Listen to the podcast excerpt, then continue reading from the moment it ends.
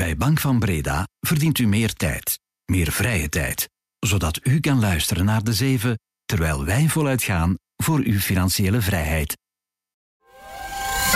Welkom bij de zeven van de tijd. Elke dag om 7 uur onze blik op de zaken in 7 punten. Dit is Bert Rijmen. Goedemorgen. Er is geen akkoord binnen de EU voor 50 miljard euro extra steun voor Oekraïne. Dat bleek toen de Europese leiders vanmorgen om twee uur uiteengingen. Oekraïne mag wel onderhandelingen beginnen over toetreding tot de EU. Verzekeraars moeten depressies en burn-outs behandelen als andere ziektes. Een verzekeraar die dat niet deed, is nu veroordeeld wegens discriminatie. Wat zijn de gevolgen van die uitspraak? En Vlaamse jongeren met migratieroots doen het veel beter in het onderwijs dan de PISA-testen doen uitschijnen. Hoe komt dat? Het is vrijdag 15 december. Welkom. De zeven van de tijd. 1. Good evening, everyone. This is a historic moment, and it shows the, the credibility of the European Union, the strength of the European Union. The decision is made. Uh, we open negotiations with uh, Ukraine and with Moldova. This is extremely important. We want to support Ukraine. It's a very powerful political signal. It's a very, very powerful political uh, decision. Europees president Charles Michel is dit, die gisteravond lichtjes extatisch aankondigde dat Moldavië, maar vooral ook Oekraïne, groen licht krijgen om onderhandelingen te beginnen over toetreding tot de EU. Een toch wel zeer verrassende wending op de EU-top hier in Brussel. De onderhandelingen komen er ondanks de Hongaarse premier Viktor Orbán. Die kon later in de nacht extra geld voor Oekraïne dus wel tegenhouden. Een hele dag lang deed Orbán moeilijk over de toetreding van Oekraïne, maar na acht uur onderhandelen was er een oplossing gevonden. De Hongaar liep even de vergaderzaal uit en de overige 26 leiders die keurden het hele uitbreidingspakket van de EU unaniem goed. Geen veto dus van Orbán, want hij was er niet. Iedereen blij, maar in de loop van de nacht heeft Orbán dan wel nog zijn gram gehaald. Want hij kon dat extra steunpakket van 50 miljard voor Oekraïne tegenhouden. Ook daar waren 26 van de 27 lidstaten het eens over de steun, maar hield Hongarije de bal af. Rond twee uur vanmorgen werd dan maar beslist om de discussie voorlopig te laten liggen. Maar begin volgend jaar hopen de leiders alsnog een deal uit de brand te slepen. Europa Orbán 1-1 zou ik zeggen, maar er komen dus verlengingen. 2. Verzekeraars moeten iemand met een burn-out op dezelfde manier vergoeden als wie een been breekt. Het Antwerpse Arbeidshof heeft een verzekeraar die dat niet deed veroordeeld voor discriminatie.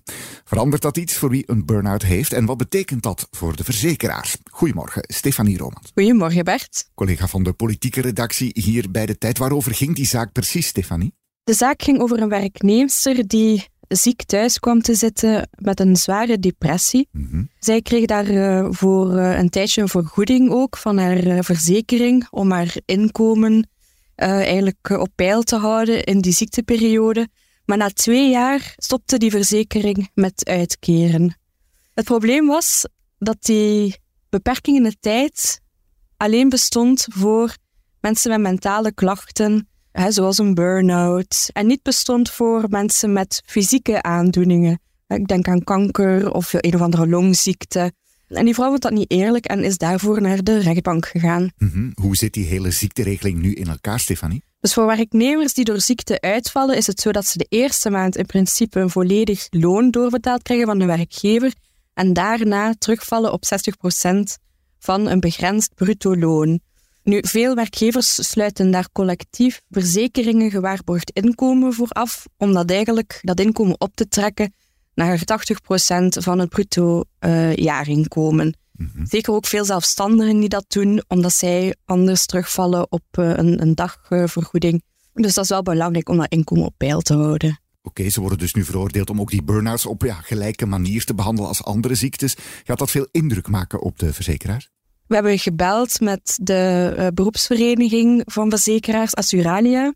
Zij maken zich daar wel zorgen over, uh, want het zou kunnen betekenen dat als er een gelijkaardige vergoeding moet komen voor mensen met een mentale aandoening en uh, mensen met fysieke klachten, dat zo'n product heel duur wordt. de vraag is dan, gaan verzekeraars die producten nog aanbieden? Gaan ze die aanpassen? Wordt dat niet veel te duur? Andere optie is dat als iedereen gelijk behandeld moet worden, dat er dan een soort uh, beperking in de tijd komt voor alle ziektes en niet alleen maar voor bepaalde mentale aandoeningen. Kijken hoe dat evolueert. Dankjewel, Stefanie. 3. De kloof in ons onderwijs tussen leerlingen met en zonder migratieroutes krimpt, blijkt uit een data-analyse door onze redactie van die recente PISA-resultaten. We hebben het hier in de zeven ook al uitgebreid gebracht. Vlaamse leerlingen scoorden nog nooit zo slecht in die internationale vergelijkende testen. Globaal gesproken ligt het niveau lager dan ooit. Maar achter die neerwaartse trends blijken toch twee verschillende evoluties te zitten. Vlaamse jongeren met migratieroutes scoren steeds beter op de testen terwijl leerlingen zonder migratieachtergrond er fel op achteruit gingen. Die zogenoemde prestatiekloof is in tien jaar fors kleiner geworden. Zeker op het vlak van wiskunde is er een inhaalbeweging bezig. Dat jongeren met migratieroutes beter scoren is ook een trendbreuk met onze buurlanden. Daar doen die jongeren het veel slechter. Onderwijsexpert Dirk van Damme legt een deel van de verklaring bij de motivatie van leerlingen en ouders. Toch is het Vlaams onderwijs niet de kansenmachine die het voor velen zou moeten zijn. Uit de PISA-testen is nogmaals gebleken dat wie thuis geen Nederlands spreekt of uit een armer gezin komt, het minder goed doet dan leeftijdsgenoten uit kansrijke gezinnen. 4. Christine Lagarde, de topvrouw van de Europese Centrale Bank, tempert de hoop van beleggers op een snelle renteknip. Voor de tweede keer op rij besliste de ECB om haar belangrijkste rentetarief gisteren niet te wijzigen. De rente blijft daarmee op een recordhoogte van 4% Hoe werd daarop gereageerd op de markten? Goedemorgen, Wouter Vervenne. Goedemorgen. Collega van de beleggerredactie hier bij de tijd. Wouter, die beslissing van de ECB komt een dag nadat de Amerikaanse centrale bank wel een reeks renteverlagingen heeft aangekondigd voor 2024. Waarom is de Europese centrale bank nu een pak terughoudender? Wel, ze is toch ja, blijkbaar wat minder gerust dat de inflatie ja, zal dalen naar 2% of tijdig zal dalen naar 2%. Mm -hmm. Christine Lagarde merkte onder meer op ja, dat de lonen um, toch relatief flink blijven stijgen in de eurozone. Stijgen ook meer dan in de Verenigde Staten. En bedrijven, als die ja, de loonkosten zien stijgen, dan rekenen ze dat door in hun verkoopprijzen. Dus bedrijven zien de lonen stijgen en die rekenen ja, die hogere kosten geheel of gedeeltelijk door in hun verkoopprijzen. En natuurlijk hogere verkoopprijzen, dat betekent ja, uh, inflatie. Hoe reageren de markten op dit nieuws, Wouter? Wel, een beetje volatiel, uh, omdat de boodschap van de twee centrale banken verschillend was. Dus uh, gisterenochtend hebben we gezien dat de Europese beurzen positief reageerden, maar dan op het, rente, de, het renteverhaal dat uit de Verenigde Staten kwam. Wall Street was woensdagavond sterk gestegen. De Europese beurzen openden hoger in Europa. Maar omdat Lagarde dan na de middag een wat andere toon aansloeg, wat voorzichtiger, terughoudender was over renteverlagingen, hebben we gezien dat um, de Europese aandelenmarkten een groot deel van die winst hebben moeten inleveren en dus eigenlijk slechts lichtjes hoger zijn geëindigd. Nu, de beurs van Brussel heeft het wel wat beter gedaan dan het Europees gemiddelde. En dat, heeft onder meer te, dat is onder meer te danken aan ja, de vastgoedaandelen die goed vertegenwoordigd tegenwoordig zijn de rentegevoelige aandelen. En uh, ja, de lange termijnrente is ondanks de, ja, de, de voorzichtigheid van Lagarde toch wel uh, gedaald. Dankjewel, Wouter. Vijf. Vandaag opent officieel de fel gecontesteerde Maya-trein in Mexico. Die moet meer toeristen weglokken van de stranden van Cancún. Maar het gewaagde project van president Andrés Manuel López Obrador zaait forse kritiek. Voorkennis. De Maya-trein moet op termijn het zuidoosten van Mexico bedienen. Dat is het armste deel van het land. En vooral zorgen dat de miljoenen toeristen die jaarlijks de Caribische resorts van Yucatan bezoeken, wat vaker hun strandstoel verlaten en ook in het binnenland hun dollaris laten rollen. Maar het ambitieuze project komt met een keerzijde. Aanleg van de trein kostte intussen al meer dan 26 miljard euro. Dat is drie keer zoveel als begroot. Ook is voor de trein een kilometerslange strook dwars door de jungle gerooid. En de trein rijdt dan ook nog eens recht door een jungle vol archeologische schatten. Rest de vraag dan ook hoe populair de lijn zal blijken.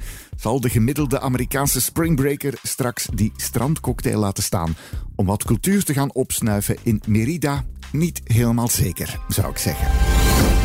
6. Na bijna zes maanden wachten is Europa dan toch eindelijk aan de beurt. Meta Platforms, het bedrijf boven onder andere Facebook en Instagram, lanceerde gisteren zijn Twitter-killer in Europa. Wat mag je daarvan verwachten? En zal Elon Musk met X nu echt gekild worden? Goedemorgen, Ben Serure. Goedemorgen Bert. Tech- en social media man hier bij de tijd. Threads is nu dus ook hier gelanceerd, Ben.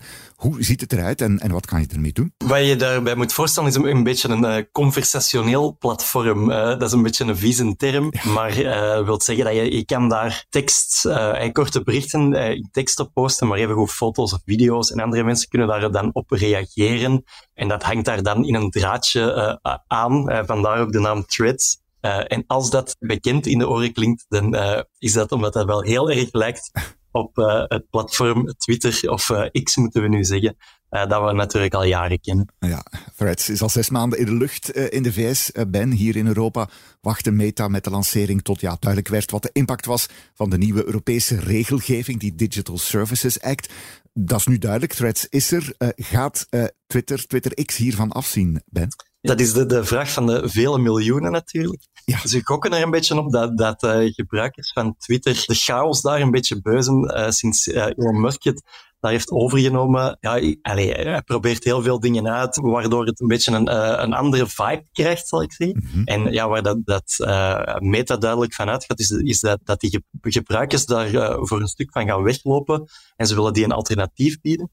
Nu, ja, vraag is of ze daarin slagen natuurlijk. Hè. De, de gebruikservaring is heel gelijkaardig, dus je zou kunnen uh, argumenteren dat er daar een markt voor is. Uh, maar ja, de proof of the pudding will be in the eating. Uh, het is heel moeilijk te voorspellen of, of, zoiets cultureel relevant kan worden en, en een ander platform echt kan kunnen vervangen. Mm ding is al zes maanden beschikbaar in de VS. Ben, hoe liep het daar? Wel, het is heel snel uit de startblokken uh, geschoten. De Threads had daar in een mum van tijd uh, 100 miljoen uh, gebruikers. Ja. Maar ja, dat is heel veel. maar maar ondertussen is dat enthousiasme wel enigszins bekoeld. En je hebt natuurlijk altijd een beetje een, een nieuwheidseffect dat speelt. Hey, mensen komen eens kijken omdat ze nieuwsgierig zijn. Mm -hmm. Ondertussen is dat echt wel afgenomen. In september waren er cijfers van een onderzoeksbureau en die zeiden dat er nog 23,7 miljoen maandelijkse gebruikers waren voor threads in de VS, uh, wat toch een pak minder is. Dat is normaal uh, dat dat we afneemt na een aantal weken, maar allee, het is duidelijk dat het niet vanzelf zal gaan. Uh,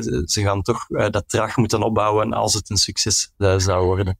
Dankjewel. Ben Seruur. graag gedaan. 7. 3D-printtechnologie verovert het operatiekwartier. Tal van ziekenhuizen gebruiken die technologie bij ingewikkelde ingrepen en dat levert een flinke tijdswinst op. Van virtuele planning over geprinte hulpstukken om heel precies te kunnen boren en zagen, tot de plaatsing van geprinte implantaten op maat. 3D-printtechnologie is alomtegenwoordig in onze ziekenhuizen. Die halen zelfs 3D-printers in huis om de zaken sneller te doen gaan. Maar goedkoop is het niet. Reken gemiddeld op een kost van zo'n 100.000 euro per jaar. Dat is toch een flinke investering. Maar het geloof in de technologie is groot. Bij erg complexe ingrepen plaatsen chirurgen gepersonaliseerde 3D-geprinte implantaten. Daarvoor kloppen ze aan bij vaak Belgische bedrijven zoals Materialize en CatSkills. Die zijn ook internationaal gerenommeerd. De 3D-print-expertise van Materialize wordt trouwens ook ingezet in ziekenhuizen in Oekraïne. Het bedrijf leverde ook een opgemerkte bijdrage aan 's werelds eerste geslaagde oogtransplantatie. België doet het dus zeer goed in de 3D-printtechnologie. Daarmee zit de laatste de zeven van deze week er weer op. Maandag zijn we er weer om met een gast vooruit te blikken naar de week die komt. Deze keer doen we dat met Jasper Doren, chef politiek en economie van de tijd. Maar eerst lonkt nog het weekend met een dubbeldikke zaterdagkrant. Chef weekend Sophie van Lommel, die weet al wat daarin zit. We kijken deze week voor een keer naar de Europese AI, want net in de week dat Europa een pakket regelgeving afkondigde, stond er in Frankrijk een piepjonge start-up op die liefst 2 miljard waard is. En als de president Macron zegt dat uh, Europa last heeft van regulities, dan moet er toch wel iets aan de hand zijn. We spreken ook met Hans Dont, absolute topambtenaar, neemt afscheid van de FOD Financiën. Hij maakte van een mijn collega's-achtig departement een uh, efficiënt gerunde boîte, volgens fiscalisten zelfs te efficiënt vandaag. En daarbovenop krijgt u nog een dubbel dikke geldgids. Wat te doen met uw geld in 2024. Voilà, helemaal klaar nu. De productie van deze De Zeven is van de hand van Job van Nieuwenhoven van op de redactie van De Tijd. Voor straks alvast een fijn weekend en tot maandag. Dit was De Zeven met Bert Rijmen. Een recensie in je favoriete podcast-app doet ons veel plezier. Heb je feedback? Stuur het gerust naar podcast.tijd.be. Volgende week zijn we er weer. Tot dan!